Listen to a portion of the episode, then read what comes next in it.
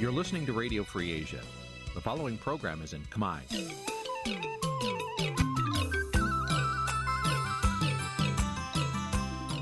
នេះជាកម្មវិធីផ្សាយ Vuthu Azizi Serai នេះជាកម្មវិធីផ្សាយរបស់ Vuthu Azizi Serai ជាភាសាខ្មែរ Vuthu Azizi Serai សូមស្វាគមន៍លោកអ្នកនាងទាំងអស់ពីរដ្ឋធានី Washington នៃសហរដ្ឋអាមេរិក បាទពីរដ្ឋធានី Washington សហរដ្ឋអាមេរិកខ្ញុំបានមេរិតសូមជម្រាបសួរលោកអ្នកនាងកញ្ញាប្រិមមអ្នកស្ដាប់ Vuthu Azizi Serai ទាំងអស់ជាទីមេត្រីយើងខ្ញុំសូមជូនកម្មវិធីផ្សាយសម្រាប់ព្រឹកថ្ងៃអង្គារ3រោចខែភទ្របទឆ្នាំខាលចត្វាស័កពុទ្ធសករាជ2566ដែលត្រូវនៅថ្ងៃទី13ខែកញ្ញាគ្រិស្តសករាជ2022បាទជាដំបូងនេះសូមអញ្ជើញលោកនាងស្ដាប់ព័ត៌មានប្រចាំថ្ងៃដែលមានមេត្តាដូចតទៅ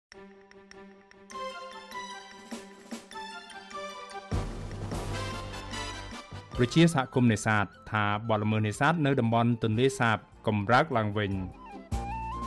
សញ្ញិតជនរងគ្រោះដែលស្លាប់ក្នុងពេលប៉ូលីសឃាត់ខ្លួននៅភ្នំពេញស្វែងរកជំនួយផ្លូវច្បាប់ដើម្បីដាក់ពាក្យប្តឹងទៅតុលាការលោកហ៊ុនសានអំពាវនាវដល់ក្រុមហ៊ុនឯកជនកុំឲ្យដំឡើងថ្លៃដឹកជញ្ជូនក្នុងឱកាសបុណ្យភ្ជុំបិណ្ឌ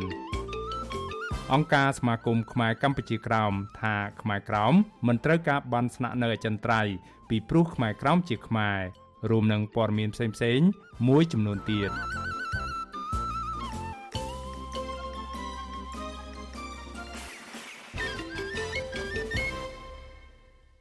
បាទជាបន្តទៅទៀតនេះខ្ញុំបាទមេរិតសូមជូនព័ត៌មានទាំងនេះពិស្ដា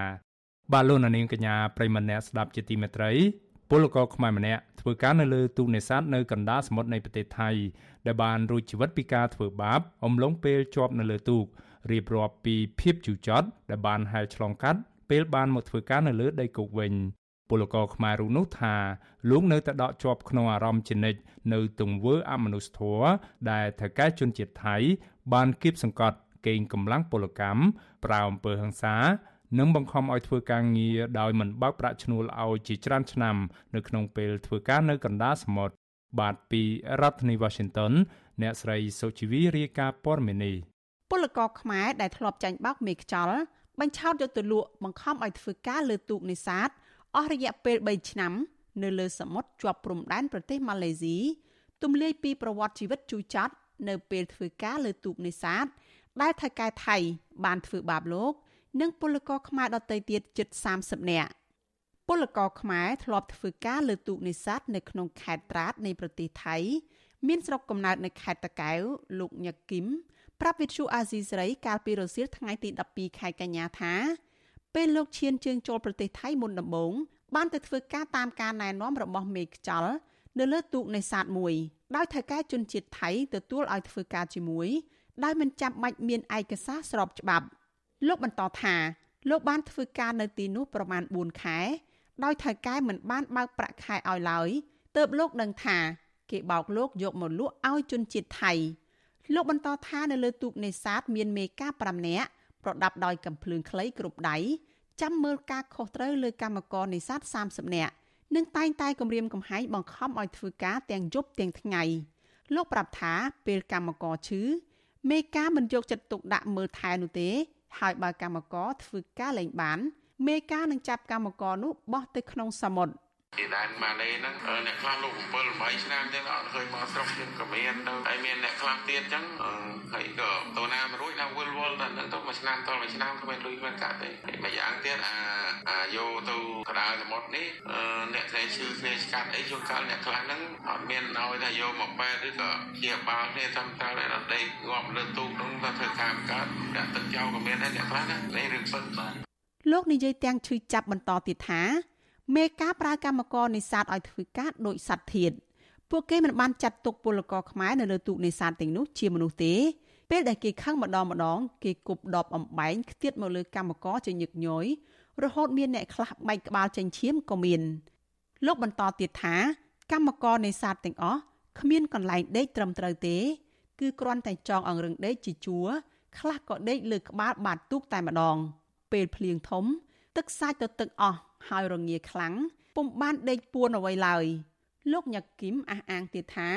មានកម្មករនេសាទជាច្រើនអ្នកដែលត្រូវមេខ្យល់បោកយកទៅលក់ឲ្យធ្វើជាទេសកលលើទូកនេសាទថៃ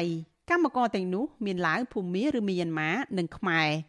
លោកឲ្យដឹងទៀតថាលោកបានជាប់លើទូកនេសាទអស់3ឆ្នាំ ហើយក្រោយមក គេបាននាំទូកចូលចត គេក៏បានផ្ដល់លុយថ្លៃពលកម្មមួយចំនួនប៉ុន្តែនៅពេលឡើងលើច្រាំងក៏ត្រូវប៉ូលីសចាប់ភ្លាមភ្លាម យកទៅសាកសួរនិងពិន័យប្រាក់ចំនួន30000បាតចេញពីទូកហ្នឹងដាក់ទៅកត់អី ចូលអាទូកហ្នឹងហើយចេញទៅទៀតនៅកណ្ដាលចមុតហ្នឹងអត់មានចូលខាងទេហើយកាត់សក់កាត់អីទៅលើទូកហ្នឹងកាត់តែគ្នាឯងមានណាកាត់ទេតែវាថាវាចុះយូរឆ្នាំចឹងហើយបានលុយមិនថាទេប៉ុន្តែដល់ពេលកាត់អញ្ជីវាស៊ីដាច់ទាំងអស់ហើយវាយ៉ាងទៀតយើងអត់មានឯកសារអីស្របច្បាប់ទេវាតាំងអាតកុំទូកតាំងអាតកែទូកហើយនឹងអាបលិសហ្នឹងវាខឹបខុបស៊ីគ្នាវាមិនអស់យើងកាត់អញ្ជីហើយហ្នឹងវាហៅបលិសមកចាប់យើងយកលុយអស់វិញដែរមានទេចំណែកប្រពន្ធលោកញឹកគឹមគឺលោកស្រីភីរុន ដែលធ្វើការជាអ្នកលក់បាយឲ្យថៅកែជនជាតិថៃប្រាប់ថាពេលបាត់ប្តីមិនបានដឹងដំណឹងលោកស្រីបារម្ភពីប្តីជាខ្លាំងនិងបានដើរសួររកប្តីតែគ្មាននរណាស្គាល់លោកស្រីថាលោកស្រីចង់ទៅប្តឹងប៉ូលីសឲ្យជួយតាមរកប្តីតែមិនហ៊ានទៅព្រោះលោកស្រីមកធ្វើការនៅប្រទេសថៃដោយខុសច្បាប់ម្យ៉ាងទៀតពេលនោះលោកស្រីក៏មិនទាន់ចេះភាសាថៃមិនដឹងទៅពឹងនរណាឲ្យជួយនោះទេលោកស្រីឲ្យដឹងទៀតថាពេលប្តីមិននៅ លោកស្រីខំធ្វើការរកលុយមកចិញ្ចឹមកូនប្រុសស្រីទាំងពីរទាំងលំបាកទើបក្រោយមក បានដឹងដំណឹងថាប្តីនៅរស់និងបានមកជួបលោកស្រីនិងកូន។ យើងកាលនោះយើងមកដបងដបងចឹងយើងមិនហ៊ានស៊ូរោគេទេយើងព្រោះយើងកាលនោះយើងគ្មានបាត់គ្មានអីចឹងយើងមិនហ៊ានស៊ូគេទេយើងខ្លាចជំរួតហើយជំរួតនោះរត់មួយមួយឲ្យគេដាញ់ចាប់ចុះពួននៅក្រោមផ្ទះក៏មានដែរក្រោមផ្ទះយើងនៅហ្នឹងផ្ទះក្តារហ្នឹងចុះពួនក៏មានដែរជំរួតវាមកចាប់ហើយយើងកូនទូចទៀតណាកូនយំផងថ្ងៃមួយនោះមកចាប់អញ្ចឹងកូនយើងយំដល់ពេលឃើញក្មេងក៏វាអាណិតដែរអញ្ចឹងវាហៅយើងឡើងមកឲ្យយកក្មេងវិញ តើតើបញ្ហានេះរដ្ឋលេខាធិការក្រសួងមហាផ្ទៃនិងជាអនុប្រធានអចិន្ត្រៃយ៍គណៈកម្មការជាតិប្រយុទ្ធប្រឆាំងការជួញដូរមនុស្សអ្នកស្រីជូប៊ុនអេងប្រាប់វិទ្យុអាស៊ីសេរីថាករណីប្រើកម្លាំងពលកម្មខ្មែរនៅលើទូកនេសាទថៃគឺមានច្រើនដោយការរាយការណ៍មែនហើយអ្នកស្រីថាខាងរដ្ឋាភិបាលបានចាត់វិធានការលើរឿងនេះហើយចំណែកពលករដែលរងគ្រោះពីការប្រើកម្លាំងពលកម្មទាំងបង្ខំពួកគេអាចដាក់ពាក្យប្តឹងមកអាជ្ញាធរ ដើម្បីងាយស្រួលសមត្ថកិច្ចចុះស៊ើបអង្កេតនិងបង្ក្រាបទាន់ពេលវេលា ពីប្រុសសួរគាត់សិនថាគាត់ទៅពីពេទ្យណាហើយអាការចុះទូគាត់នឹងតើចុះទៅរបៀបណាពីប្រុសកន្លងមកមិនមែនមានតិចទេយើងចង់និយាយថាករណីនៅថៃនឹងច្រើនណាស់ពាក់ព័ន្ធជាមួយនឹងការចុះទូនៃសាដោយសារតែយើងអត់ទាន់មានគោលការណ៍ណាមួយដែលអនុញ្ញាតឲ្យមានពលករនាំទៅថៃដើម្បីធ្វើការងារនេសាទទេប៉ុន្តែឥឡូវហ្នឹងយើងក៏រកឃើញករណីជាច្រើនដែលមានគេហៅរងគ្រោះដោយសារតែការចុះទូនេសាទហ្នឹង ជុំវិញរឿងនេះដែរប្រធានផ្នែកប្រយុទ្ធប្រឆាំងការជួញដូរមនុស្សនិងទេសន្តប្រវេសរបស់អង្គការសង្ត្រាល់លោកឌីថេហូយ៉ាយល់ថាដើម្បីរារាំងការជួញដូរមនុស្សនិងការជួញដូរកម្លាំងពលករឆ្លងដែនខុសច្បាប់រដ្ឋាភិបាលត្រូវផ្សព្វផ្សាយចំណេះដឹងដល់ពលរដ្ឋខ្មែរឲ្យបានទូលំទូលាយជាងនេះជៀសវាងពលរដ្ឋខ្មែរធ្វើចំណាក់ស្រុកដែលខុសច្បាប់ទៅតាមការបញ្ចុះបញ្ចូលពីមេខ្ចលលោកបន្តថាកត្តាដែលបណ្ដាលឲ្យពលរដ្ឋធ្វើចំណាក់ស្រុកហើយចាញ់បោកមេខ្ចល គឺភ ieck ច្រើនពលរដ្ឋនៅតាមទីជនបទដែលខ្វះព័ត៌មានហើយមិនយល់ដឹងពីហានិភ័យនៃការធ្វើចំណាក់ស្រុកដោយខុសច្បាប់ពលរដ្ឋដែលគាត់នៅតាមទីជនបទដែលខ្វះការងារធ្វើខ្វះប្រាក់ចំណូល មិនមានប្រាក់ចំណូលហើយនឹងមិនទទួលបានព័ត៌មានជាក់លាក់អំពីការធ្វើចំណាក់ស្រុកគេហៅថាក្រមនៃជនដែលចំណាក់ស្រុកប្រកបដោយភាពប្រថុយប្រឋានខ្ពស់តាមទីជនបទឬមួយក្រមជនដែលនៅដំដុំស្រុកណាឃុំណាខេត្តណាដែលមានហៅមេខ្យល់ហ្នឹង ការស្ទង់មតិបង្ហាញថា20%នៃកម្មករនិងប្រហែល50%នៃជនរងគ្រោះដោយសារតែការជួញដូរនៅក្នុងវិស័យនេសាទរបស់ថៃទទួលរងគ្រោះថ្នាក់ការងារប៉ុន្តែពួកគេមិនទទួលបានសំណងអ្វីឡើយធនាគារពិភពលោករាយការណ៍ថាប្រទេសថៃមានចំនួនកម្មករចំណាក់ស្រុកខ្ពស់ជាងគេនៅក្នុងតំបន់អាស៊ីអាគ្នេយ៍គឺជិត4លាននាក់នៅក្នុងឆ្នាំ2015ក្នុងនោះ53%មកពីប្រទេសភូមា ឬមីយ៉ាន់ម៉ា26%មកពីប្រទេសឡាវ និង20%មកពីកម្ពុជា ចំណែកទិន្នន័យរបស់រដ្ឋាភិបាលថៃវិញបង្ហាញថា កម្មករចំណាក់ស្រុកកម្ពុជាឡាវនិងភូមាដែលបានចុះឈ្មោះរួចរាល់គិតត្រឹមខែវិច្ឆិកានៅក្នុងឆ្នាំ2017មានចំនួនជិត2លាននាក់ក្នុងនោះជិត50000នាក់ចុះឈ្មោះធ្វើការក្នុងឧស្សាហកម្មនេសាទរបាយការណ៍របស់ក្រសួងការងារកម្ពុជាឲ្យដឹងថាបច្ចុប្បន្នមានពលករខ្មែរជាង1លាន2សែននាក់កំពុងធ្វើការនៅប្រទេសថៃ ប៉ុន្តែរបាយការណ៍របស់អង្គការសង្ត្រាល់បង្ហាញថាពលករខ្មែរកំពុងធ្វើការដោយស្របច្បាប់និងមិនស្របច្បាប់នៅក្នុងប្រទេសថៃមានប្រមាណ2លាននាក់និងភ្នាក់ច្រើនពួកគេកំពុងជួបបញ្ហាផ្នែកសេដ្ឋកិច្ចនាងខ្ញុំសុជីវីវិទ្យុអាស៊ីសេរីពីរដ្ឋធានី Washington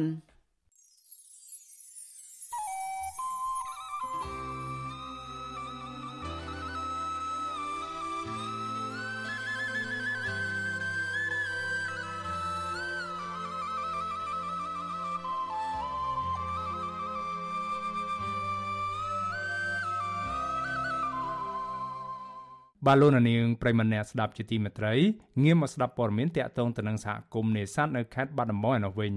បាទពជាសហគមន៍នេសាទនៅខេត្តបាត់ដំបងអះអាងថាបទល្មើសនេសាទនៅតំបន់បឹងទលេសាបកំពុងកម្រើកឡើងវិញនៅរយៈពេល3ឆ្នាំចុងក្រោយនេះបន្ទាប់ពីបានស្ងប់ស្ងាត់អស់រយៈពេលមួយរយៈខ្លីក្រោយពីមានសារព្រមានពីលោកនាយរដ្ឋមន្ត្រីហ៊ុនសែនរឿងដកតំណែងអភិបាលខេត្តនៅជុំវិញបឹងទលេសាប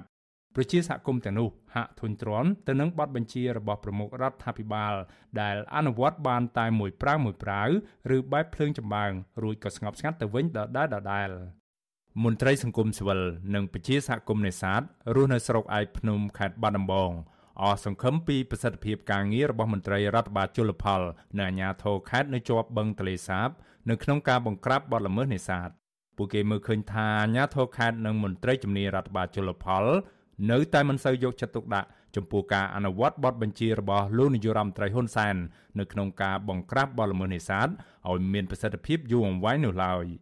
អនុប្រធានសហគមន៍នេសាទស្ដីក្រោមរហាលសួងខេត្តបាត់ដំបងលោកហៅសំអាតប្រាវិសុយស៊ីស្រីនៅថ្ងៃទី12ខែកញ្ញាថាយុទ្ធនាការបង្ក្រាបបទល្មើសនេសាទរបស់អាជ្ញាធរខេត្តនេះបានតែមួយប្រាវដោយភ្លើងចម្បាំងរួចក៏ស្ងប់ស្ងាត់ទៅវិញធ្វើឲ្យក្រុមជនល្មើសមិនរៀងចាល លោកថាមកទល់ពេលនេះការពង្រាយឧបករណ៍នេសាទខុសច្បាប់រួមមានដូចជាបនរ៉ាវស្បៃមុងនិងឧបករណ៍នេសាទមួយចំនួនទៀតនៅតែបន្តកើតមានឡើងនៅក្នុងតំបន់បឹងទលេសាបនៅក្នុងស្រុកឯកភ្នំ និងតំបន់ផ្សេងដទៃទៀតនៅក្នុងតំបន់ព្រៃលិចទឹក លោកបញ្ជាក់ថាកន្លងទៅអាជ្ញាធររឹបអូសឧបករណ៍នេសាទខុសច្បាប់ រួមមានបនរ៉ាវនិងអួនពីក្រុមជនល្មើសក៏ប៉ុន្តែมันបានចាប់ខ្លួនជនសង្ស័យយកមកផ្ដន្ទាទោសតាមផ្លូវច្បាប់នោះទេ ដែលធ្វើឲ្យជនល្មើសមិនរៀងចាលមកទោះឥឡូវនេះជាប្រវត្តិសាស្ត្រដូចគ្នាតែប្រមុនដដែលហ្នឹងមានតែយុទ្ធនាការហ្នឹងមានន័យថាឆេះតែមកបាវណាបង្ក្រាបតែមកព្រឹបទៅហើយក៏វាកើតវិញ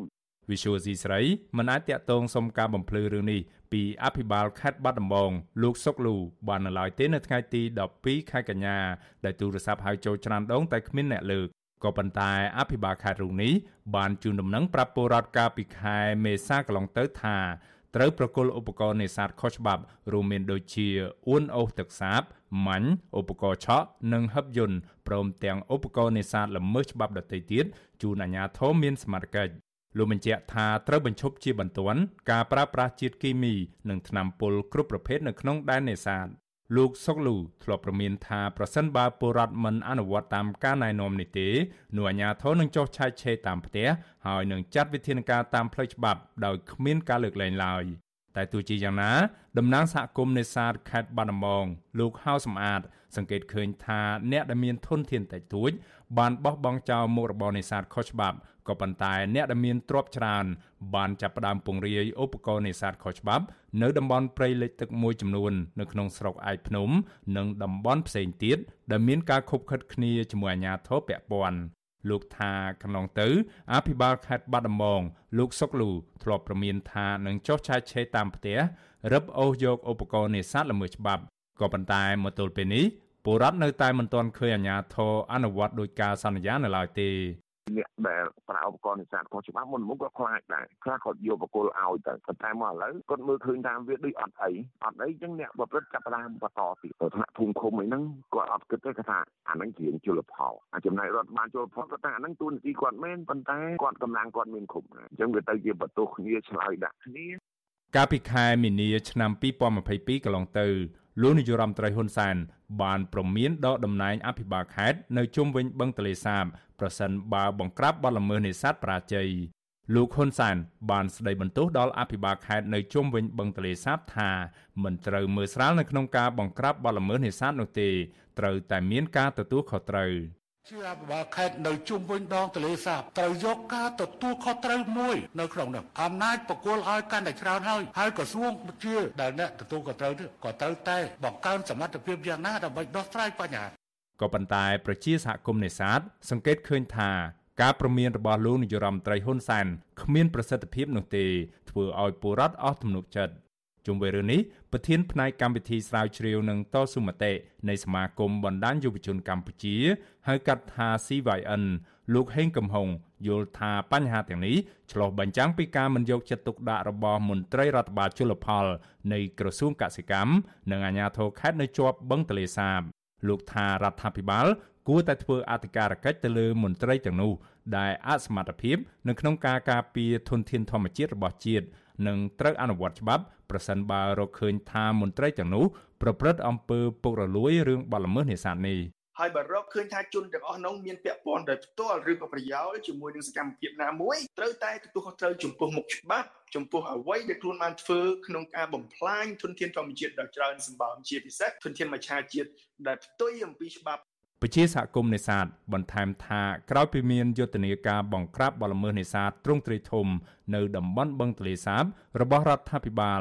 ពលរដ្ឋសប្បាយចិត្តដោយសង្ឃឹមថាត្រីនឹងសម្បូរឡើងវិញក៏ប៉ុន្តែនៅពេលនេះពួកគាត់បែរជាអស់សង្ឃឹមទៅវិញបន្ថែមពីនេះទៀតពលរដ្ឋនៅតែសង្កេតឃើញមានជនល្មើសប្រើប្រាស់ឧបករណ៍នេសាទខុសច្បាប់ ដូចជាអួនអូសទឹកសាបម៉ាញ់ឧបករណ៍ឆក់និងបនរាវ ព្រមទាំងឧបករណ៍នេសាទល្មើសច្បាប់ដទៃទៀត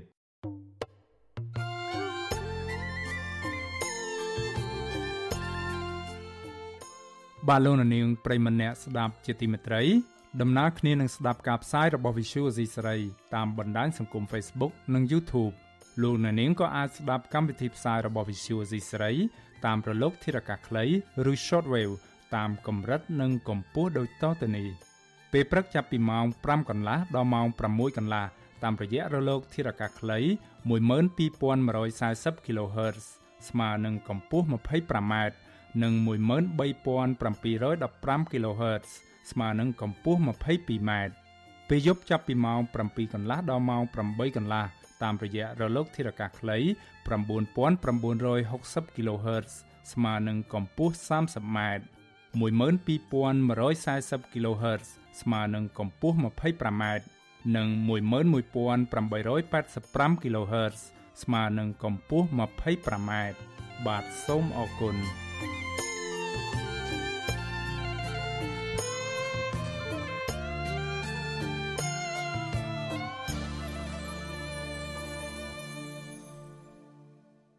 បាទលោកនាងកញ្ញាប្រិមម្នាក់ស្ដាប់ជាទីមេត្រី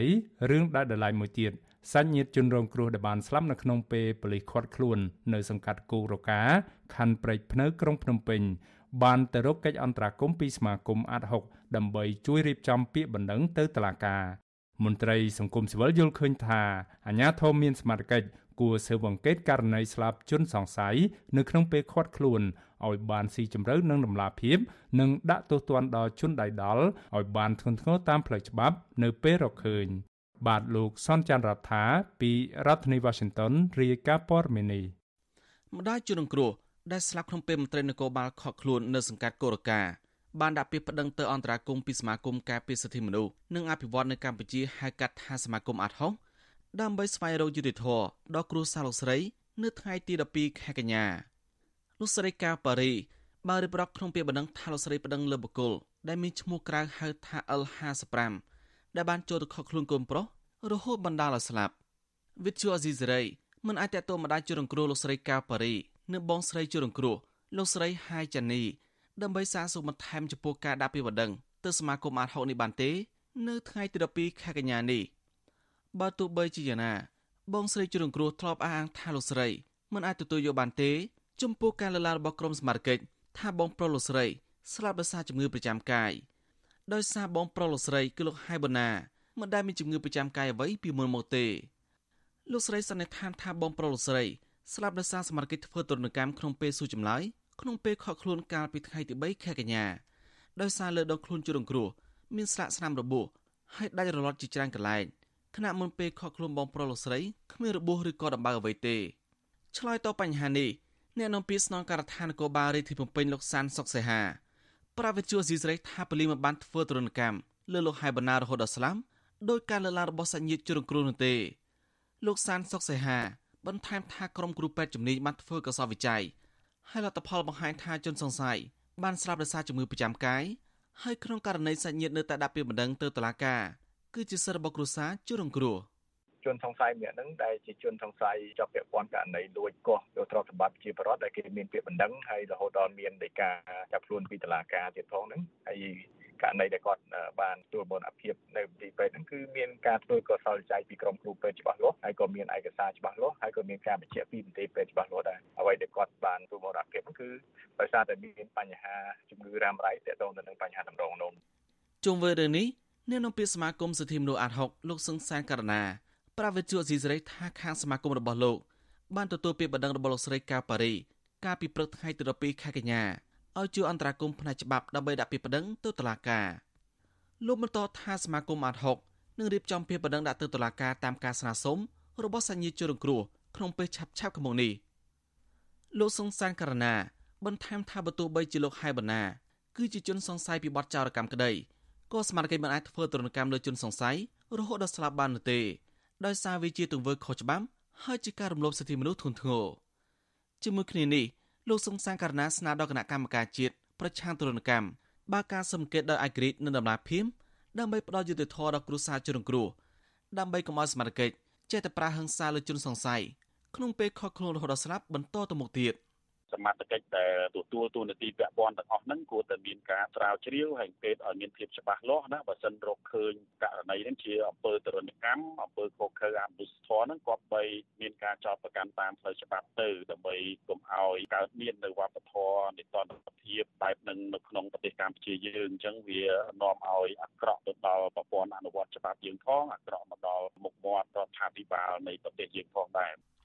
ឆ្លើយតបទៅនឹងការលើកឡើងនេះ ប្រធានគណៈកម្មការជាប្រឆាំងទរណកម្មលន់នុសាអានប្រាវិទ្យាស៊ីសេរីថាលោកបានចាត់លិខិតបង្គាប់ឲ្យបើកការសឹមគេរួចហើយនៅថ្ងៃទី12ខែកញ្ញាលោកថាសមាជិកក្រុមស៊ើបអង្កេតនឹងចុះទៅសម្ភាសជាមួយគ្រូសាជំរងគ្រោះជាមុនសិនទើបជួបជាមួយកម្លាំងសមាជិកនិងក្រុមគ្រូពេទ្យជាក្រោយលោកនុតសាអានបញ្ជាក់ថាគណៈកម្មការជាប្រឆាំងទរណកម្មតែងចុះស៊ើបអង្កេតដោយផ្ទាល់រាល់ករណីអំពើហិង្សាលើជនសង្ស័យឬជនចាប់ឃុំបើទោះបីជាគ្មានម្ដងពីជនរងគ្រោះក៏ដោយ។ អំពើហិង្សាពីសមត្ថកិច្ចលើជនសង្ស័យរហូតដល់ស្លាប់ក្នុងពេលខកខ្លួនកើតមានច្រើនករណីមកហើយក្នុងនោះអំពើហិង្សានៅខេត្តបាត់ដំបងពីកម្លាំងសមត្ថកិច្ចលើលោកពេជ្រធីរ៉េតកាលពីខែមេសាឆ្នាំ2021មិនទាន់ទទួលបានយុត្តិធម៌នៅឡើយទេបើទោះបីជាគណៈកម្មការជាប្រឆាំងទរណកម្មបានរកឃើញថាការស្រាវរបស់លោកពេជ្រធីរ៉េតគឺជាការធ្វើទរណកម្មក៏ដោយដោយឡែកថ្មីថ្មីនេះអំពើហិង្សាមួយទៀតនៅខេត្តកំពង់ធំមន្ត្រីកងរាជវត្តហាត់3នាក់ ត្រូវបានខកខ្លួនហើយបញ្ជូនទៅតុលាការក្រោមបទចោទអំពើមនុស្សឃាតដល់ចេតនាករណីប្រាំអំពើសារលើអនុប្រធានភូមិម្នាក់គឺលោកស៊ុងដនរហូតដល់ស្លាប់ស្រដៀងគ្នានេះដែរសកម្មជនគណបក្សគ្រូជា3នាក់ដែលរងអំពើសារក្នុងពន្ធនាគារតាពាំង plong ក៏មិនទាន់ទទួលបានដំណោះស្រាយណាមួយពីអាជ្ញាធរនៅឡើយដែរគណៈជនជាប់ឃុំទៅនោះនៅតែទទួលរងការគំរាមកំហែងអំពើហិង្សាលើពួកគេជាថ្មីទៀតប៉ុន្តែភេជ្ជរាអាញាធមមានសមត្ថកិច្ចមិនទាន់ស្រាវជ្រាវចាប់អ្នកពាក់ព័ន្ធ នឹងការប្រាំពើងសាទៅនេះជួនដល់ជនរងគ្រោះនៅឡើយទេមន្ត្រីអង្គការសង្គមស៊ីវិលនិងអង្គការអន្តរជាតិជាច្រើនយល់ឃើញថាការប្រាំពើងសាលើជនសង្ស័យនិងអ្នកចាប់ឃុំនៅតែបន្តកើតមានដោយសារការអនុវត្តច្បាប់ដោយជនសង្ស័យដែលមន្ត្រីសមាជិកមានភាពធូររលុងធ្វើអំពើនេតនភាពឬការម្ដាក់ទោសពេលលើជនបង្កតែកើតមានឡើងម្ដងហើយម្ដងទៀតនៅកម្ពុជាខ្ញុំសនចាររថាវិទ្យុអេស៊ីសេរីរាយការណ៍ពីរដ្ឋធានី Washington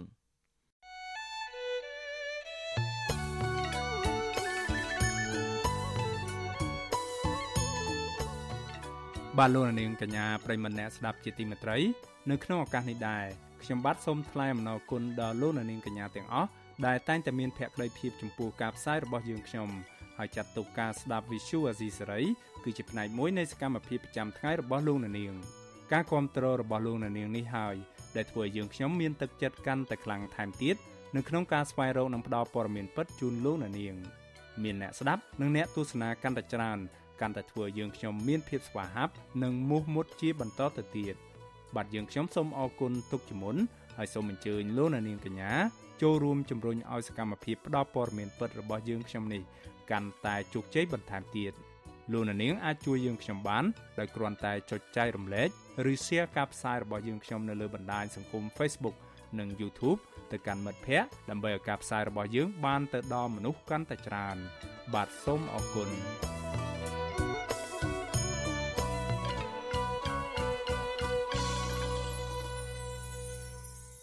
បាឡូណានាងកញ្ញាប្រិមម្នាក់ស្ដាប់ជាទីមេត្រីលោកនាយរដ្ឋមន្ត្រីហ៊ុនសែននិងមន្ត្រីរដ្ឋាភិបាល កាលពីថ្ងៃទី12ខែកញ្ញាម្សិលមិញ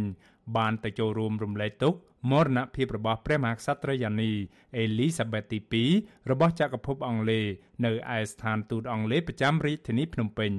លោកហ៊ុនសាន បានរៀបរាប់នៅក្នុងសិភៅរំលែកទុកថាលោកក្រៀមក្រំយ៉ាងខ្លាំងនៅពេលទទួលដំណឹងថាព្រះមហាក្សត្រីយ៉ានីអេលីសាបេតទី2បានសោយទីវង្គត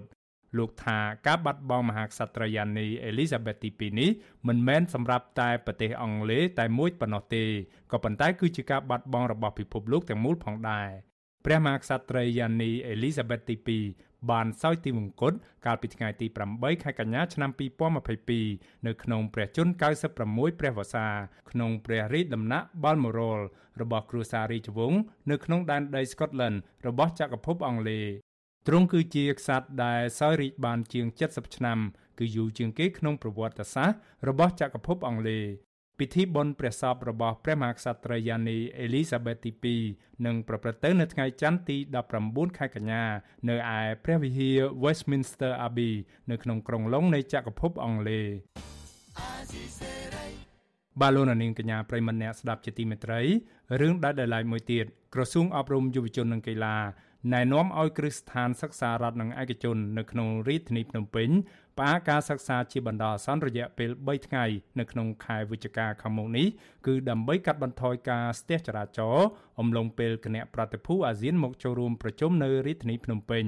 ការផ្អាកការសិក្សាជាបណ្ដោះអាសន្ននេះមានរយៈពេល3ថ្ងៃគឺចាប់ពីថ្ងៃប្រហ័សទី10ខែវិច្ឆិការហូតដល់ថ្ងៃសៅរ៍ទី12ខែវិច្ឆិកា មន្ត្រីសង្គមស៊ីវិលដែលធ្វើការងារផ្នែកអប់រំនិងយុវជន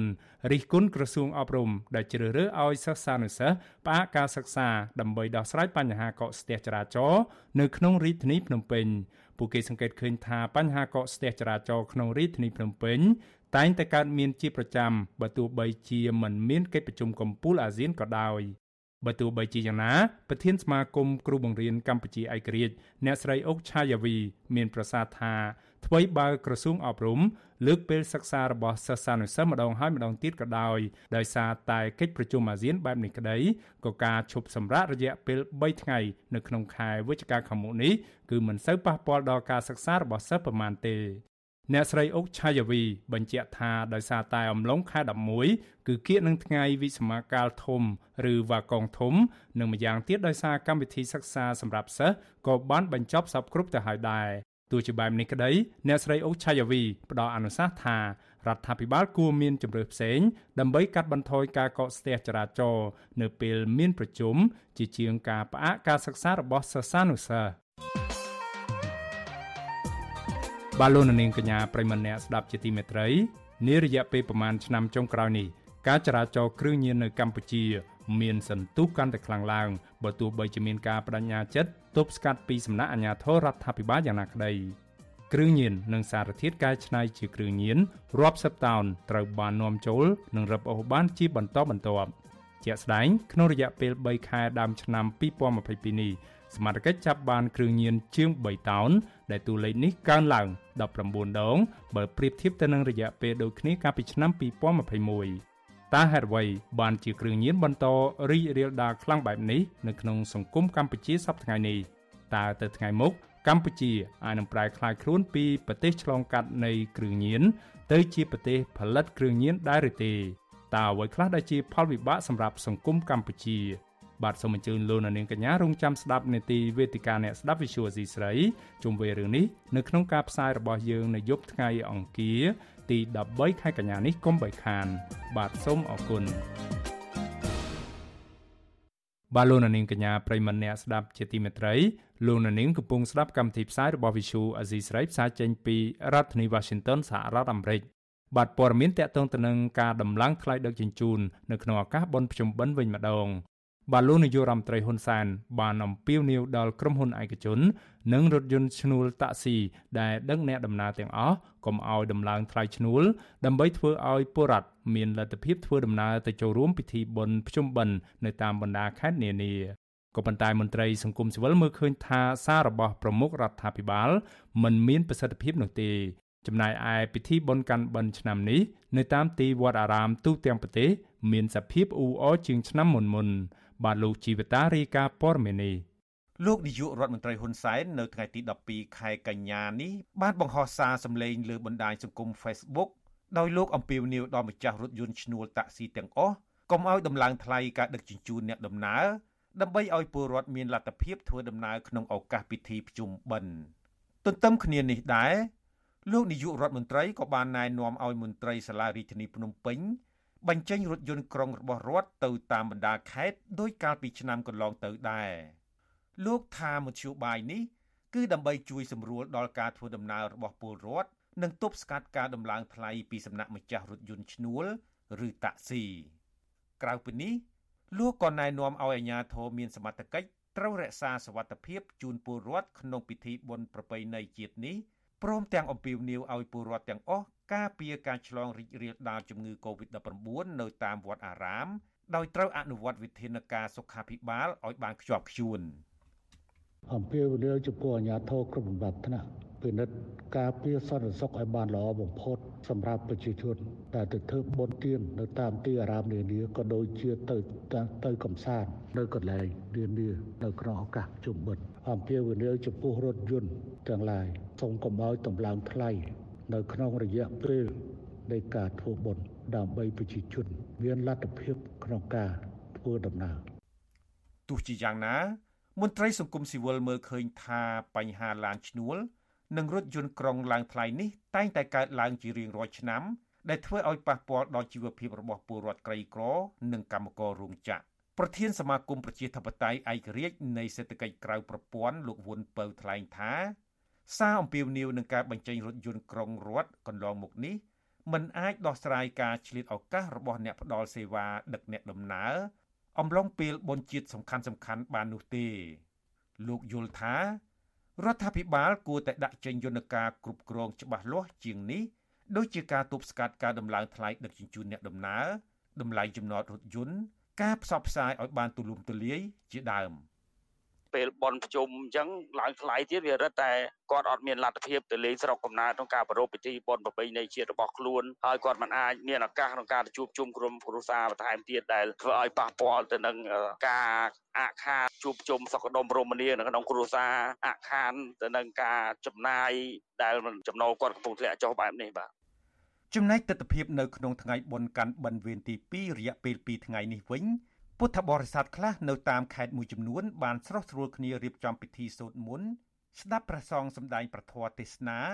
និងធ្វើចង្ហាន់នៅឯវត្តដែលអ្នកស្រុកហៅថាកាន់បិណ្ឌឬកាន់វេនហើយអ្នកខ្លះទៀតធ្វើចង្ហាន់មានដូចជាបាយម្ហូបនំចំណីនិងសម្ភារៈផ្សេងទៀតយកពីផ្ទះទៅប្រគេនព្រះសង្ឃដែលកំពុងគង់ចាំព្រះវស្សាដើម្បីឧទ្ទិសកុសលបុណ្យដល់បុព្វការីដែលបានចែកឋានហើយ។ ពិធីបុណ្យនេះក៏មានពលរដ្ឋទៅកាន់វត្តអារាមនៅពេលព្រឹកព្រលឹមស្រាងស្រាងប្រហែលជាម៉ោង4ទៀបភ្លឺដើម្បីបោះបាយបិណ្ឌនិងស្ដាប់ព្រះសង្ឃសូត្រធម៌ព្រះសង្ឃគង់នៅវត្តនិកវ័នរាជធានីភ្នំពេញប្រដេជគុណប៉មសវណ្ណៈមានធរៈដីកាថានៅវត្តរបស់ព្រះអង្គនៅថ្ងៃកាន់បិណ្ឌវេនទី2នេះមិនសូវមានមនុស្សច្រើនកុះករដោយថ្ងៃដំបូងដែលចំថ្ងៃពលរដ្ឋឈប់សម្រាកពីការងារនោះទេ ព្រះអង្គបន្តថាចង្ហាន់ប្រសង់ឆ្នាំនេះសម្បូរហូរហៀជាងឆ្នាំមុនប៉ុន្តែនៅក្នុងវត្តមិនអ៊ូអរនោះទេ ដោយពុទ្ធបរិស័ទភាគច្រើនគ្រាន់តែមកប្រគេនចង្ហាន់និងអុជធូបរាប់បាតឧទ្ទិសកុសលផលបុណ្យដល់បុព្វការីដែលបានចែកឋាន ហើយត្រឡប់ទៅផ្ទះវិញភ្លាមៗដោយពួកគាត់ខ្លាចឆ្លងជំងឺ Covid-19 ព្រះអង្គបញ្ជាក់ថាវត្តរបស់ព្រះអង្គមានប្រសង់ជាង300អង្គ និងដូនជីតាជីនិងកូនសិស្សស្នាក់អាស្រ័យក្នុងវត្តជិត200នាក់ហើយចង្ហាន់ដែលនៅសេសសល់ខាងវត្តបានផ្ដល់ជូនទៅពលរដ្ឋក្រីក្រកុមារកំព្រា និងមន្ទីរពេទ្យជាដើមពូក្នុងខ្សាច់ហើយបានរាប់បានអញ្ចឹងណាព្រោះមានកម្មវិធីជាហោហែអញ្ចឹងដែរការប្រពៃណីពុទ្ធសាសនារបស់ខ្មែរយើងចឹងទៅបងតកតងចំណងថ្ងៃនេះដែរក៏សង្កល់មើលនៅក្នុងវត្តទីអារាមក្នុងវត្តនេរវ័នឃើញថារៀងសប្បាយហើយ បើសិននិយាយអំពីចង្ហាន់វិញមិនច្រើនណាស់ណាទេហើយក៏អាចប្រព្រឹត្តទៅបាន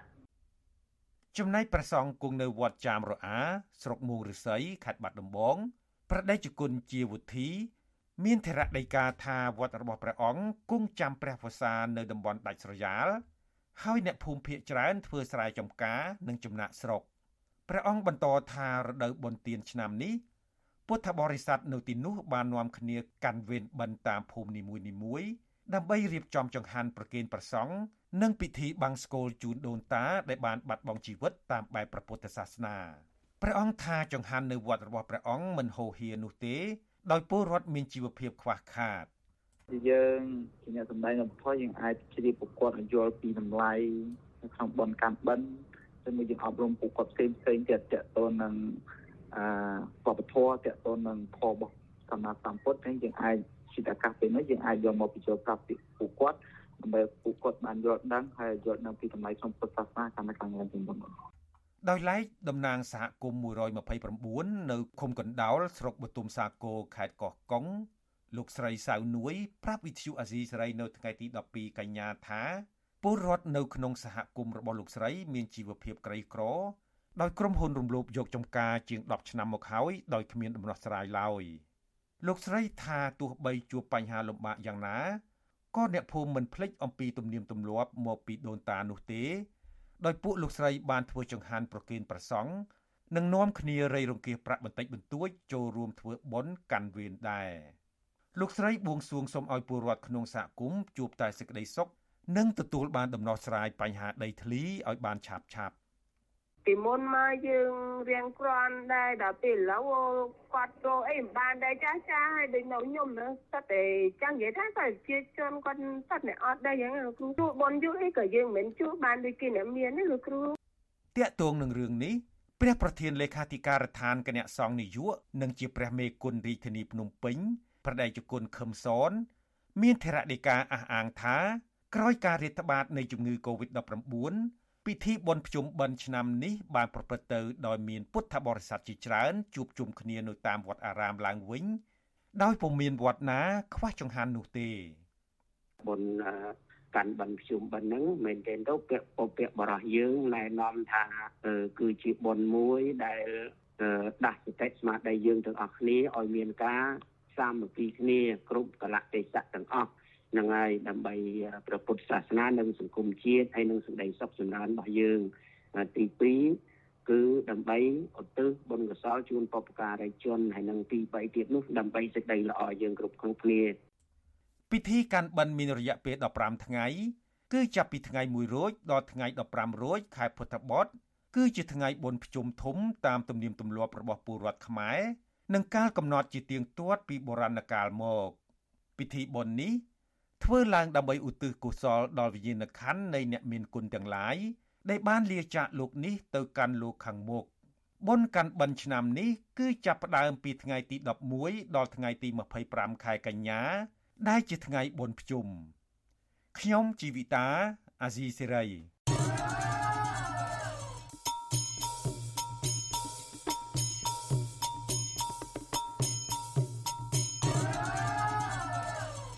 បាទលោកនាងកញ្ញាប្រិមម្នាក់ស្ដាប់ជាទីមេត្រីរឿងរ៉ាវតាក់ទងទៅនឹងបញ្ហាសេដ្ឋកិច្ចនិងជីវភាពរស់នៅប្រចាំថ្ងៃរបស់ពលរដ្ឋក្រោយវិបត្តិ COVID-19 វិញម្ដង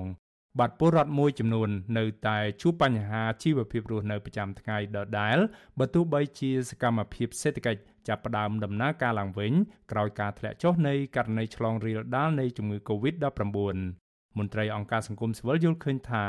រដ្ឋាភិបាលគួរតែអនុម័តច្បាប់កំណត់មុខរបរជនអន្តោប្រវេសន៍ដើម្បីទប់ស្កាត់កុំឲ្យជនបរទេសដណ្ដើមការងារនិងមុខរបររបស់ពលរដ្ឋខ្មែរ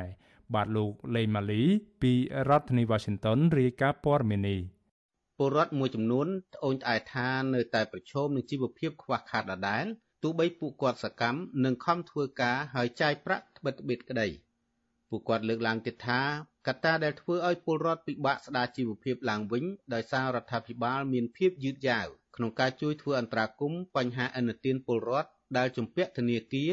មិនជួយរកទីផ្សារកសិផល និងបណ្ដោយឲ្យជនបរទេសដែលចូលមករស់នៅលើទឹកដីកម្ពុជាមានឱកាសដណ្ដើមការងារនិងមុខរបរពលរដ្ឋក្នុងស្រុកពលរដ្ឋរស់នៅខេត្តសៀមរាបលោកប៉ក់ស៊ីសុធោឲ្យអាស៊ីសេរីដឹងនៅថ្ងៃទី12កញ្ញាថា ទោះបីជាស្ថានភាពនៃការរាតត្បាតជំងឺ Covid-19 បានធូរស្រាលបានជាង1ឆ្នាំទៅហើយក្តីក៏ស្ថានភាពជីវភាពរបស់លោកនៅតែជួបការលំបាកដដែលលោកថាបន្ទាប់ពីវិស័យទេសចរផ្អាកដំណើរការដោយសារវិបត្តិ COVID-19 លោកបានបោះបង់មុខរបររត់កង់3ហើយងាកមកធ្វើកសិកម្មដាំក្រូចឆ្មា និងចិញ្ចឹមមាន់ដើម្បីរកប្រាក់ចំណូលដោះស្រាយជីវភាពនិងសងធនាគារលោកលើកឡើងថា ទោះបីលោកបដូរមុខរបរនិងកាត់បន្ថយការចំណាយក្តីក៏របរកសិកម្មនេះមិនអាចជួយសង្គ្រោះជីវភាពលោកឲ្យបានប្រសើរឡើយព្រោះកសិផលលក់បានតម្លៃថោកនិងពិបាករកទីផ្សារបណ្ដាលមកពីការនាំចូលបន្លែផ្លែឈើត្រីសាច់ពីក្រៅប្រទេសលើសលប់បាទកសិករបច្ចុប្បន្នហ្នឹងគឺជួបបញ្ហាច្រើនមែនទែនដោយសារថាដំណាំរបស់គាត់ចុះថោកប៉ុន្តែអីវ៉ាន់ឡើងថ្លៃហើយ អីវ៉ាន់នឹមចូលពីក្រៅប្រទេសគេថ្លៃជាងកសិករនៅក្នុងខេត្តហ្នឹងណានៅខេត្តមិនត្រឹមតែខេត្តសៀមរាបទេគឺខេត្តទូទាំងប្រទេសអញ្ចឹងកសិករបច្ចុប្បន្នហ្នឹងគឺជួបផលលំបាកខ្លាំងមែនទែនបាទស្រដៀងគ្នានេះដែរអាជីវករនៅខេត្តសៀមរាបលោកឆៃតាំងឆែមឲ្យដឹងថារដ្ឋាភិបាលបានសម្រេចបើកសកម្មភាពសេដ្ឋកិច្ចឡើងវិញកាលពីចុងខែវិច្ឆិកាឆ្នាំ2021ក្រោយការធ្លាក់ចុះនៃករណីឆ្លងជំងឺ Covid-19 ប៉ុន្តែលោកនិងប្រជាពលរដ្ឋដែលប្រកបរបរចិញ្ចឹមជីវិតក្រៅប្រព័ន្ធមួយចំនួនទៀតនៅតែរកចំណូលបានតិចតួចលោកសង្កេតឃើញថាសេដ្ឋកិច្ចហាក់មានភាពសកម្មជាងមុនប៉ុន្តែទីផ្សារការងារជាពិសេសការបើកអាជីវកម្មលក់ដូរនៅតែចង្អៀតណែននិងគ្មានភាពប្រសើរជាងមុនឡើយដោយសារវត្តមានជនជាតិចិន និងវៀតណាមដែលរស់នៅលើទឹកដីកម្ពុជា បានបើកអាជីវកម្មប្រកួតប្រជែងជាមួយពលរដ្ឋខ្មែរ អ្នកដែលដូចបងខាងខាងវៀតណាមខាងចិនហ្នឹងគឺគាត់មកពីចឹងគឺគាត់មានមុខរបរគាត់បើកមុខចំនួនធំធំអីចឹងដូចហាងដូចអីចឹងបងហើយអាការងារទាំងអស់ហ្នឹងបើសិនជាភ្ញៀវទេសចរដូចខាងគ្នាគាត់អីមកចឹងគឺគាត់អត់មានលក្ខណៈថាមកចូលហាងខ្មែរយើងនេះពីចឹងគឺគាត់ចូលតែគ្នាគាត់អីចឹងណារបាយការណ៍ក្រសួងសេដ្ឋកិច្ចបង្ហាញថាសេដ្ឋកិច្ចកម្ពុជានឹងកើនឡើងក្នុងអត្រា5.1%នៅឆ្នាំ2022នេះនិង6.2%នៅឆ្នាំ2023 កំណើនជនអន្តោប្រវេសន៍ច្រើនលើសលប់បានធ្វើឲ្យពលរដ្ឋខ្មែរខាតបង់ប្រយោជន៍សេដ្ឋកិច្ចតាមរយៈការដណ្ដើមឱកាសការងារមុខរបររបស់ពលរដ្ឋខ្មែរម្ចាស់ស្រុកជនបរទេសទាំងនោះខ្លះប្រកបរបរលក់ដូរហើយបើកហាងធំធំ និងខ្លះទៀតបើកអាជីវកម្មក្រុមហ៊ុនរកស៊ីផ្នែកអចលនទ្រព្យហើយការរកស៊ីរបស់បរទេសទាំងនោះកំពុងផ្ដួលអាជីវកម្មមុខរបររកស៊ីដោយដណ្ដើមអតិថិជនពីពលរដ្ឋខ្មែរជាបន្តបន្ទាប់ ចាប់តាំងពីឆ្នាំ2014ដល់បច្ចុប្បន្នកម្ពុជាបានបណ្ដេញជនបរទេសដែលរស់នៅខុសច្បាប់នៅកម្ពុជាជិត20000នាក់ស្មើនឹង79សញ្ជាតិភាគច្រើនជាជនជាតិវៀតណាមតែថ្មីថ្មីនេះរដ្ឋាភិបាលវៀតណាមតែងតែអំពាវនាវដល់រដ្ឋាភិបាលកម្ពុជាឲ្យយកចិត្តទុកដាក់ដល់ជនជាតិរបស់ខ្លួនដែលកំពុងរស់នៅក្នុងប្រទេសកម្ពុជា ដោយធានានូវសិទ្ធិស្របច្បាប់របស់ពួកគេថែមទៀត វិទ្យុអស៊ីសេរីមិនអាចតាក់ទងแนะនាំពាក្យក្រសួងសេដ្ឋកិច្ចនិងហិរញ្ញវត្ថុលោកមាសសុកសេនសាននិងប្រធានแนะនាំពាក្យរដ្ឋាភិបាលលោកផៃស៊ីផានដើម្បីសូមសេចក្តីអធិប្បាយជុំវិញបញ្ហានេះបានទេនៅថ្ងៃទី12កញ្ញាជុំវិញរឿងនេះប្រធានសមាគមប្រជាធិបតេយ្យឯករាជ្យនៃសេដ្ឋកិច្ចក្រៅប្រព័ន្ធលោកប៊ុនពៅឲ្យដឹងថាអាជ្ញាធរគួរតែអនុម័តច្បាប់កំណត់មុខរបរជនអន្តោប្រវេសន៍ ដើម្បីទប់ស្កាត់កុំឲ្យជនបរទេសទាំងនេះដណ្ដើមការងារនិងមុខរបរពលរដ្ឋខ្មែរទន្ទឹមគ្នានេះលោកថារដ្ឋាភិបាលគួរដោះស្រាយបញ្ហាទីផ្សារកសិផលជូនប្រជាកសិករដូចជាការចាត់វិធានការប្រមូលទិញកសិផលដែលបន្ទាបតម្លៃពីសំណាក់ឈ្មួញកណ្ដាលស្ថានភាពពេលនេះគឺអាញាធរត្រូវតែរៀបចំវិញហើយណាក៏ធ្វើដោយប្រទេសថៃដែរប្រទេសថៃគឺគេមិនអនុញ្ញាតឲ្យជនបរទេសទាំងឡាយណាអាចមកប្រកបមុខរបរលក់ដូរដោយជនជាតិថៃទេបើសិនជាថៃធ្វើបានគឺមិនអនុញ្ញាតឲ្យជនបរទេសធ្វើបានទេសារព័ត៌មានអនឡាញជប៉ុន Nikkei Asia កាលពីថ្ងៃទី11កក្កដាឲ្យដឹងថា កម្ពុជាបានឡើងមកឈរនៅលំដាប់លេខ1ថាជាប្រទេសដែលមានសមត្ថភាពស្ដារខ្លួនងើបចេញពីវិបត្តិជំងឺ Covid-19 បានលឿនជាងគេបំផុតនៅលើពិភពលោកប៉ុន្តែយោងតាមទស្សនវិជ្ជាជាក់ស្ដែងកសិករនិងពលរដ្ឋប្រកបរបរក្រៅប្រព័ន្ធនៅតែប្រឈមនឹងបញ្ហាជីវភាពគ្មានការងារឬការងារប្រាក់ខែមិនសមរម្យក្នុងនោះពលរដ្ឋមួយចំនួនបានផ្សងព្រេងលួចឆ្លងដែនដែលខុសច្បាប់ទៅរកការងារធ្វើនៅក្រៅប្រទេស ខ្ញុំបាទលេងម៉ាលីវិទ្យុអស៊ីសេរីរាយការណ៍ពីរដ្ឋធានី Washington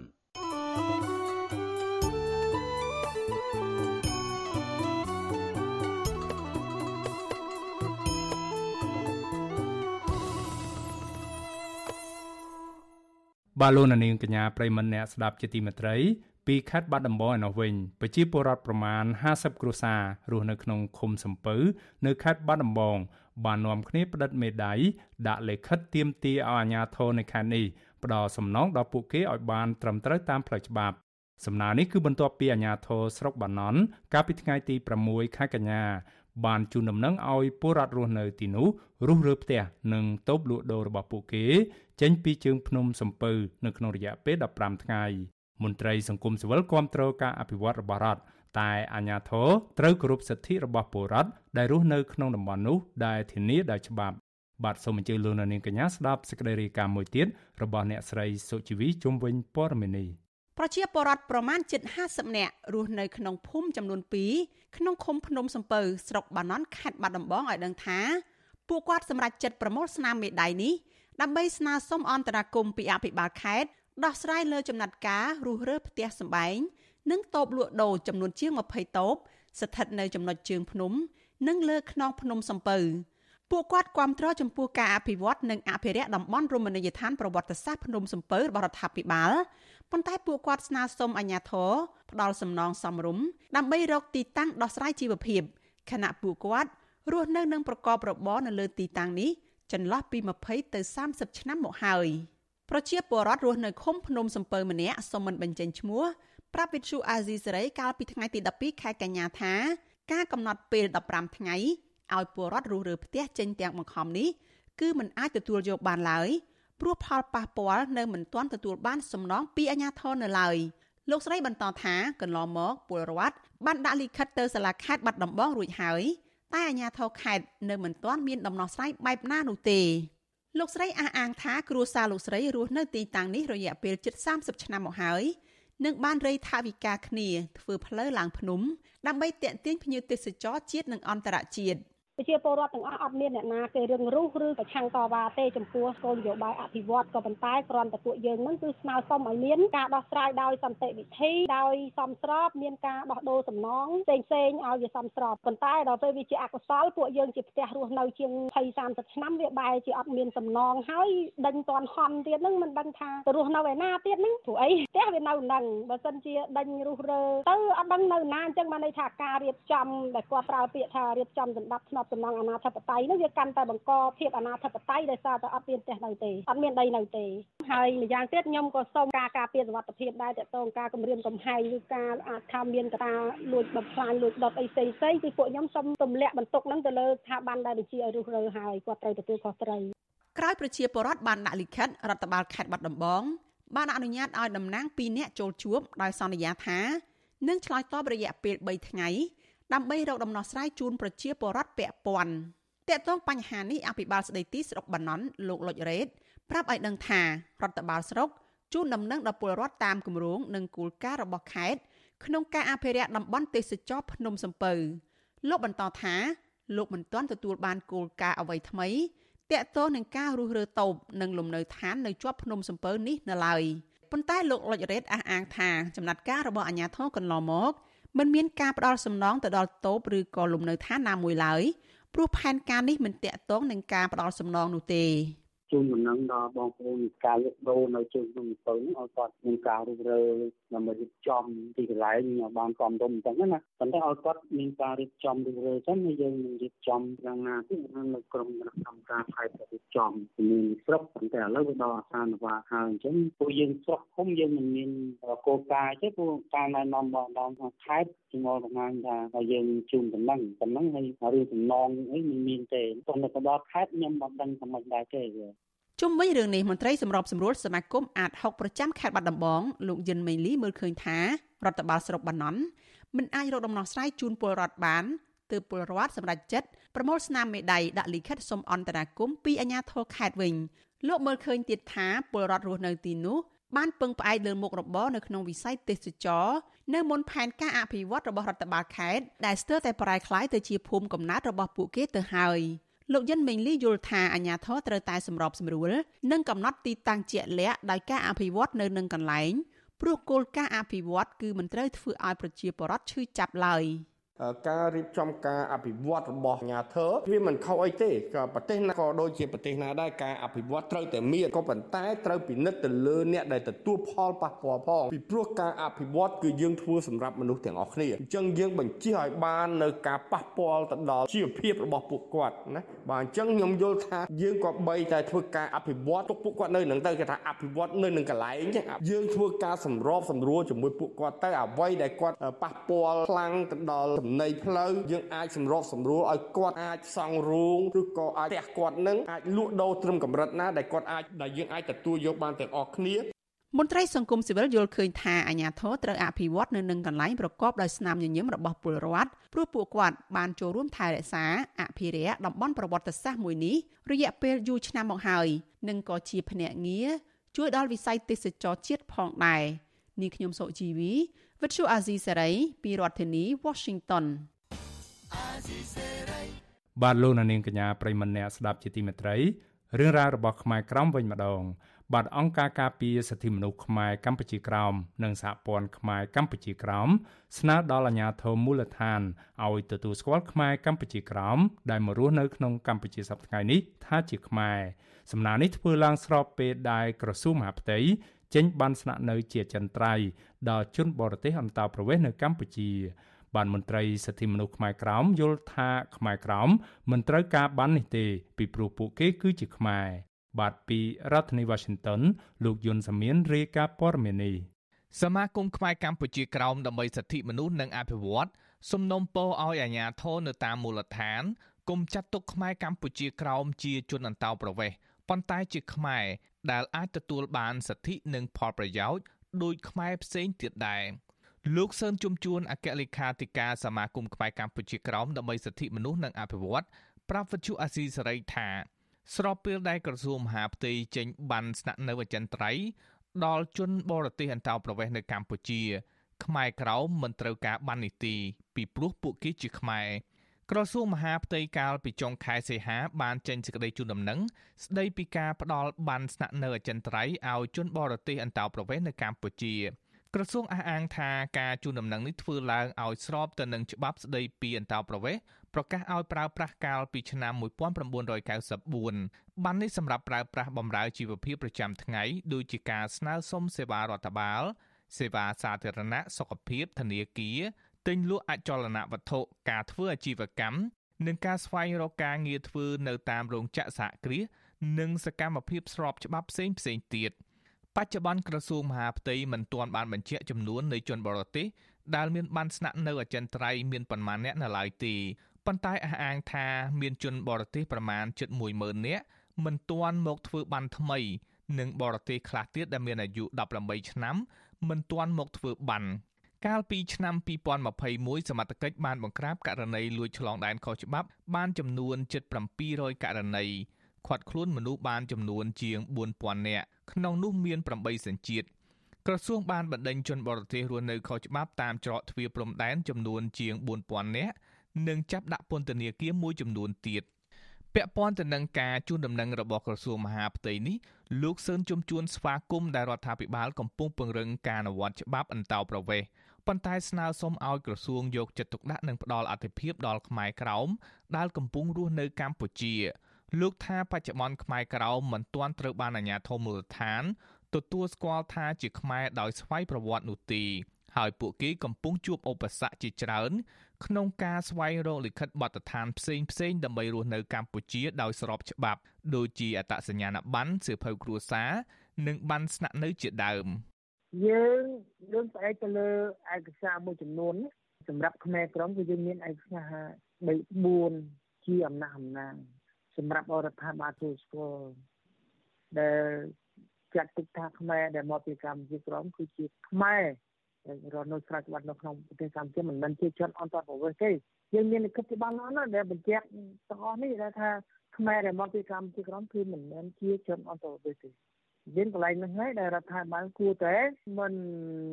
រឹតបន្តឹងដូចជាជនជាតិអន្តរប្រវេសរបស់វៀតណាមទេសម្រាប់ជនជាតិអន្តរប្រវេសរបស់វៀតណាមវិញគឺយើងស្អែកទៅតាមច្បាប់អន្តរប្រវេសលោកសឿនជុំជួនមានប្រសាសន៍ថាអាញាធមូលដ្ឋាន ហាក់មិនទាន់ដឹងគោលការណ៍ថ្នាក់ជាតិរបស់រដ្ឋាភិបាលកម្ពុជា ដែលធ្លាប់ប្រកាសជាសាធារណៈរួចរាល់ហើយថាខ្មែរកម្ពុជាក្រោមជាខ្មែរ យើងខ្លះគឺដាច់អហង្ការតែម្ដងជាពិសេសយើងនិយាយរួមមកទៅថ្មីថ្មីនេះសូម្បីតែយើងទៅចង់សម្បត្តិទេតាជាពលសម្បត្តិអភិជានេះក៏ក៏ទៀនទៀតដែរទៀនទៀតឲ្យមានឯកសារស្អីស្អីយើងនិយាយសូមឲ្យមានការទទួលស្គាល់ថារដ្ឋាភិបាលទទួលស្គាល់រួចទៅហើយថាខ្មែរក្រមនោះគឺជាប្រជាប្រដ្ឋខ្មែរមកនៅពេលដែលឡើងមករំលឹកមកពេលកម្ពុជាជាងហើយអ្វីដែលយើងចង់បានហ្នឹងគឺចង់ធ្វើក្នុងអរដ្ឋាភិបាលចេញជាចរាចរណ៍ឬក៏ស្អីដែលនាំស្អីមួយហ្នឹង ឲ្យបានទូទាំងប្រទេសទៅខ្ញុំកុំឲ្យអាជ្ញាធរមូលដ្ឋានមួយជនគាត់មានការយកច្រឡំកាលពីឆ្នាំ2006ក្រសួងការបរទេសកម្ពុជាធ្លាប់សរសេរលិខិតជាផ្លូវការប្រាប់ទៅការិយាល័យឧត្តមស្នងការអង្គការសហប្រជាជាតិទទួលបន្ទុកជនភៀសខ្លួនប្រចាំនៅកម្ពុជាថាជំហររដ្ឋាភិបាលចាត់ទុកខ្មែរក្រោមថាជាខ្មែរហើយចាត់ទុកការសម្រេចរបស់តុលាការពេលនោះដែលចោទប្រកាន់ខ្មែរក្រោមម្នាក់ចូលកម្ពុជាដោយខុសច្បាប់ ថាជារឿងមិនត្រឹមត្រូវ កាលពីឆ្នាំ1992អតីតព្រះមហាក្សត្រព្រះបាទនរោត្តមសីហនុក៏បានបញ្ជាក់ពីជំហររបស់ព្រះអង្គថាខ្មែរក្រោមជាខ្មែរពេញទីពេញលក្ខណៈច្បាប់ពេលដែលខ្មែរក្រោមស្ថិតនៅព្រំដែននៃកម្ពុជាពាក់ព័ន្ធរឿងចេញបានស្នាក់នៅអចិន្ត្រៃយ៍ដល់ជនបរទេសអន្តោប្រវេសន៍នៅកម្ពុជានេះមន្ត្រីនាំពាក្យគណៈបកប្រជាជនកម្ពុជាលោកសុកអេសានថាបាននេះសម្រាប់តែជនបរទេសគឺមិនមែនសម្រាប់ខ្មែរកម្ពុជាក្រោមឡើយ ទោះបីជាយ៉ាងណាលោកស្នើឲ្យខ្មែរក្រោមទាំងអស់ត្រូវតាក់ទងអាជ្ញាធរមូលដ្ឋាន ដើម្បីទទួលបានលិខិតស្នាមស្របច្បាប់ ដើម្បីប្រើប្រាស់កុំប្រៀបធៀបជាមួយវៀតណាមយើងប្រៀបធៀបជាមួយខ្មែរយើងបើថាចង់បានស្អីសំណូមពរទៅបំពេញបែបបត់ទៅតាមតម្រូវការរបស់ក្រសួងមហាផ្ទៃតែក្នុងនោះមានអគ្គនាយកដ្ឋានអន្តោប្រវេសន៍គេនៅនឹងគេដឹងណាអញ្ចឹងត្រូវបំពេញបែបបត់យ៉ាងម៉េចអានឹងគឺធ្វើតាមគេទៅ បច្ចុប្បន្នខ្មែរកម្ពុជាក្រោមប្រមាណ1លាននាក់កំពុងស្នាក់នៅកម្ពុជាពួកគេបានចាក់ចេញពីស្រុកកំណើតដែលវៀតណាមកំពុងត្រួតត្រាដោយសារតែការធ្វើទុកបុកម្នេញផ្នែកសិទ្ធិមនុស្សសាសនា ជាពិសេសសិទ្ធិជនជាតិដើមខ្មែរក្រៅមិនត្រូវបានរដ្ឋាភិបាលវៀតណាមគិតគូរនិងផ្ដល់ផលប្រយោជន៍ក្នុងសង្គមដោយពលរដ្ឋវៀតណាមដោយសារតែវៀតណាមគិតថាខ្មែរក្រៅជាខ្មែរប៉ុន្តែពេលពួកគេមកដល់កម្ពុជាក៏ទទួលរងការរើសអើងជាថ្មីទៀតថា ជាជនជាតិវៀតណាមទៅវិញហើយអាជ្ញាធរមូលដ្ឋានខ្លះបដិសេធមិនចេញលិខិតផ្លូវច្បាប់ឲ្យពួកគេទៀតផងជុំវិញរឿងនេះដែរព្រះភិក្ខុសើងយើងរតនាប្រធាននាយកដ្ឋានព័ត៌មានសហព័ន្ធខ្មែរកម្ពុជាក្រោមបានអំពាវនាវឲ្យខ្មែរកម្ពុជាក្រោមរស់នៅកម្ពុជាបន្តព្យាយាមធ្វើលិខិតស្នាមតាមការកំណត់របស់ច្បាប់ ដើម្បីអាចមានឯកសារគ្រប់គ្រាន់រស់នៅកម្ពុជាដោយស្របច្បាប់ ព្រះអង្គក៏ស្នើឲ្យអាជ្ញាធរកម្ពុជាគម្រើសអើងនឹងខ្មែរកម្ពុជាក្រោមដែលកំពុងរស់នៅកម្ពុជាខ្ញុំយុនសាមៀនវុទ្ធុអាស៊ីសេរីប្រធានាធិបតី Washington បាទលោកនាងកញ្ញាប្រិមម្នាក់ស្ដាប់ជាទីមេត្រីនារយៈពេលប្រមាណឆ្នាំចុងក្រោយនេះការចរាចរណ៍គ្រឿងញៀននៅកម្ពុជា មានសន្ទុះកាន់តែខ្លាំងឡើងបើទោះបីជាមានការបដិញ្ញាចិត្តទប់ស្កាត់ពីសំណាក់អាជ្ញាធររដ្ឋាភិបាលយ៉ាងណាក្តី គ្រឿងញៀននិងសារធាតុកែច្នៃជាគ្រឿងញៀនរាប់សិបតោនត្រូវបាននាំចូលនិងរឹបអូសបានជាបន្តបន្ទាប់ជាក់ស្ដែងក្នុងរយៈពេល3ខែដើមឆ្នាំ2022នេះសមត្ថកិច្ចចាប់បានគ្រឿងញៀនជាង3តោនដែលតួលេខនេះកើនឡើង19ដងបើប្រៀបធៀបទៅនឹងរយៈពេលដូចគ្នាកាលពីឆ្នាំ2021តើហេតុអ្វីបានជាគ្រឿងញៀនបន្តរីករាលដាលខ្លាំងបែបនេះនៅក្នុងសង្គមកម្ពុជាសប្តាហ៍ថ្ងៃនេះតើទៅថ្ងៃមុខ កម្ពុជាអាចនឹងប្រែក្លាយខ្លួនពីប្រទេសឆ្លងកាត់នៃគ្រឿងញៀនទៅជាប្រទេសផលិតគ្រឿងញៀនដែរឬទេតើអ្វីខ្លះដែលជាផលវិបាកសម្រាប់សង្គមកម្ពុជាបាទសូមអញ្ជើញលោកនាងកញ្ញារងចាំស្ដាប់នាទីវេទិកាអ្នកស្ដាប់ Visual C ស្រីជុំវិញរឿងនេះនៅក្នុងការផ្សាយរបស់យើងនៅយប់ថ្ងៃអង្គារទី13ខែកញ្ញានេះកុំបីខាន បាទសូមអរគុណបាទលោកនាងកញ្ញាប្រិមម្នាក់ស្ដាប់ជាទីមេត្រី កម្មវិធីផ្សាយរយៈពេល1ម៉ោងនៃ Visual C ស្រីជាភាសាខ្មែរនៅពេលនេះចប់តែប៉ុណ្ណេះយើងខ្ញុំសូមជូនពរដល់លោកនាងកញ្ញាព្រមទាំងក្រុមគ្រួសារទាំងអស់ឲ្យជួបប្រកបតែនឹងសេចក្តីសុខចម្រើនរុងរឿងកំបីឃ្លានឃ្លាតឡើយខ្ញុំបាទមេរិតព្រមទាំងក្រុមការងារទាំងអស់នៃវិសុយអស៊ីស្រីសូមអរគុណនិងសូមជម្រាបលា